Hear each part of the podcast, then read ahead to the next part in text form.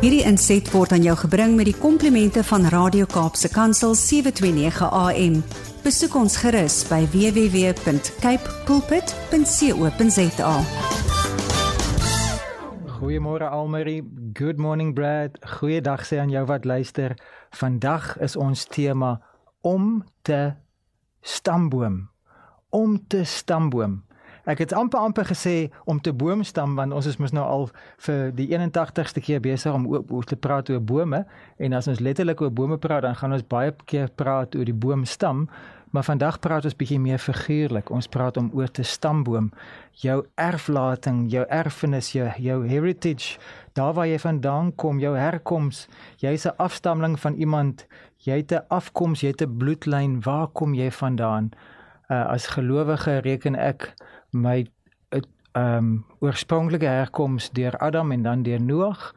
Uh, uh daar sal bioloë wees en uh mense wat sal sê nee daar, daar was so 'n proteïensop in die see gewees wat 'n uh, visspesies geword het wat later 'n uh, uh, aapspesies geword het en wat later so 'n mensaap geword het en daardeur het het, het my afkoms gekom. My persoonlike oortuiging is dat God het direk 'n uh, inspraak gehad en hy het asem geblaas in Adam in. So Adam is my voorvader, maar uh, Adam is nie my enigste voorvader en, en dit het 'n groot keerpunt in my lewe gebring. Gewoonlik sou ons baie praat oor Psalm 81, maar ek wil vandag net sê 'n aanhaling maak uit daai wonderlike Psalm en sê maak oop jou mond en ek sal dit so sê die Here. Die Here sê maak oop jou mond en ek sal dit vul. The Lord says to Psalm 81, Open your mouth and I will fill it. Ons sal meer praat op psalms op 'n ander geleentheid. Uh, ek gaan ook nie baie praat oor wat in 1981 op die wêreldtoneel ge gebeur het nie. Ons gaan nie praat oor NASA se space shuttle of dat uh, in Suid-Afrika Indiërs en kleurlinge vir die eerste keer bietjie verteenwoordiging in die parlement gekry het nie. Ons gaan ook nie praat daaroor dat die TV, die SABC 'n uh, uh, tweede en 'n derde kanaal bygevoeg het sodat TV1 dan nou eksklusief vir Afrikaans en Engelse programme was en TV2 en 3 vir al die ander inheemse tale nie. Ons ons kan 'n bietjie ander keer daaroor praat. Want ek wil sommer dadelik uitkom by die gedagte om te stamboom.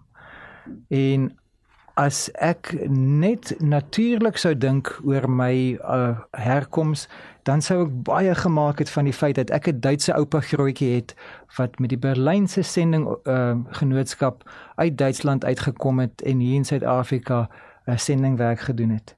En my Berens en van Rensburg erfenis uh, is vir my kosbaar maar dit sou deel van my sentrale identiteit gewees het. En nog meer persentasie gewys my nagel erflating dat my um, oupa het het 'n wonderlike uh aandeel gehad aan die spoorweë om om om 'n stuk spoorlyn te onderhou daar in die Wes-Transvaal en 'n stasiemeester gewees. Maar ons gaan nie net praat oor die natuurlike nie en omdat ons nie net oor die natuurlike praat nie, gaan ek ook nie so vreeslik baie hamer op die kleur van my vel nie, want um, ek dink uh, eintlik maar um, uh, om eerlik gesproke te wees, ek moet seker myself eerder beskryf as kleurling, want as ek koud kry dan word ek blou en as ek bloos dan word ek rooi en as ek my stamp dan word ek pers. En uh, uh, ek kan eintlik myself nie regtig wit noem nie want uh, wit is 'n ander ander kleur. My my kleur is so snaakse appelkoeskleur. So blank eh, klink so vir my soos deel van die ou Suid-Afrika. Blanco klink soos 'n cheque wat nog net moet ingevul word. Nou ja, ek kan op my hand skryf, mens kan dit lees. So dit, dit is seker 'n ligte velkleur en um, dit is dit is nie so mooi cappuccino of so so mooi uh, Afrika kleure soos van my ander landgenote nie, maar dit is nie my primêre identiteit nie.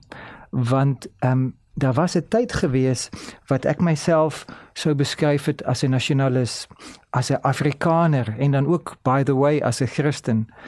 Uh later sou ek myself bietjie meer wou beskryf het as 'n Afrikaanse Christen. Uh maar nou besef ek dat 'n beter beskrywing vir my is 'n Christen wat ook Afrikaans praat. Want Christendom is my primêre identiteit. My velkleur, my uh direkte erfenis, die feit dat ek Europese bloed in my het, daai dinge is is is belangrik en en en, en dit is ehm um, nie om oor ehm um, skaam te wees of om oor besonder trots te wees nie, dis net om erkenning daaraan te gee. maar dit is nie my primêre identiteit nie, want daar was 'n dag gewees in 1981 wat Rudy Nagel se hele identiteit gedraai het. Voor dit was ek 'n doodgoeie mens, maar goed dood. En soos wat ek in vorige gesprekke vertel het, uh, het my ma se bekering het vir my broer en vir my pa en vir my duidelik gewys dat daar is 'n lewende God. En ons het begin besef dat 'n God is nie iemand wat jy kan vaskeer in 'n in 'n in 'n kerkgebou nie en jy kan hom ook nie beperk tot net 'n Sondagoggendaktiwiteit nie. Hy is 'n werklike inspraak, hy's 'n werklike invloed, hy is 'n lewende persoonlikheid. En my ma se dramatiese verandering en en haar groei in haar geestelike lewe het vir ons ook honger en dors gemaak na 'n lewende verhouding.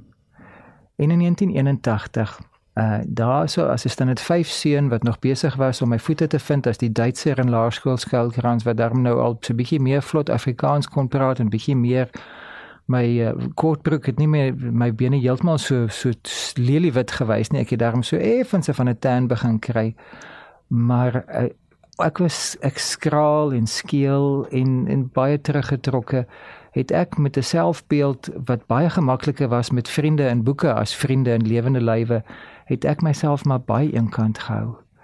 En ek het uh, in 'n vorm van 'n stille depressie en 'n in 'n stille desperaatheid gelewe waar ek buitekant vriendelik en beleefd glimlag, maar binnekant eintlik dat my hart huil en ek het gesien hoe die Here my ma se hart getroos het en haar huil verander het in in trane van vreugde. Maar ek self het gevoel daar's 'n plafon tussen my en God. As ek met hom praat, dan praat ek met die plafon. Ek praat nie met 'n lewende God nie. En dit het eers later uh in in 1981 het daai honger so so werklik geword dat toe my ma my genooi het om saam te gaan na 'n 'n spesiale diens uh waar daar 'n gasspreker sou wees. Toe was ek nuuskierig genoeg om saam te gaan. Die feit dat dit nie op 'n Sondagoggend in 'n kerkgebou was nie, was al klaar ongewoon en die feit dat dit 'n mediese dokter was en nie 'n dominee of 'n pastoor wat gepraat het nie, het my nog meer getikkel. Uh die, die man uh, is vir ouer Christene in Suid-Afrika sal die naam heel waarskynlik uh, bekend wees, Dr James van Sail en hy was oorspronklik van Stanger mediese praktisyn sover ek dit verstaan, maar hy was ook iemand wat die Here vertrou het vir die gawe van genesing en wat dan fisiek mense gebid het en vertrou het dat die Here bonatuurlik daardie mense sou genees sodat ehm um, alternatiefelik of bykomend tot mediese behandeling was dit dikwels 'n bonatuurlike ingryping van die lewende God wat 'n wonder gedoen het en genesing gebring het en hy het getuig en gebreek en ek het gehoor dat die Here wil almal gesond maak. Die Here het aan die kruis gesterf en sy bloed het betaal vir sonde, vir skande, maar ook vir siekte.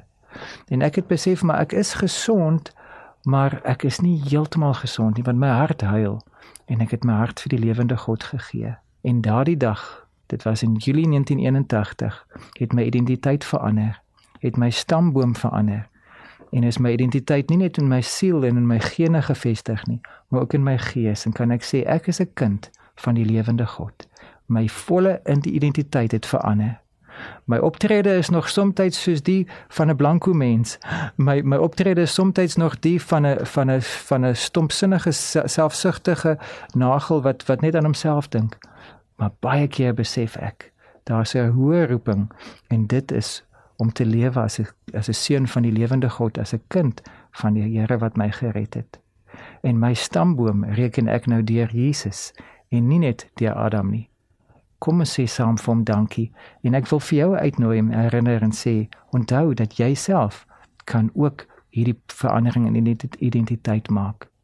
Die lewende God steek sy hand uit na jou en hy sê kom volg my word my kind. Kom ons bid saam.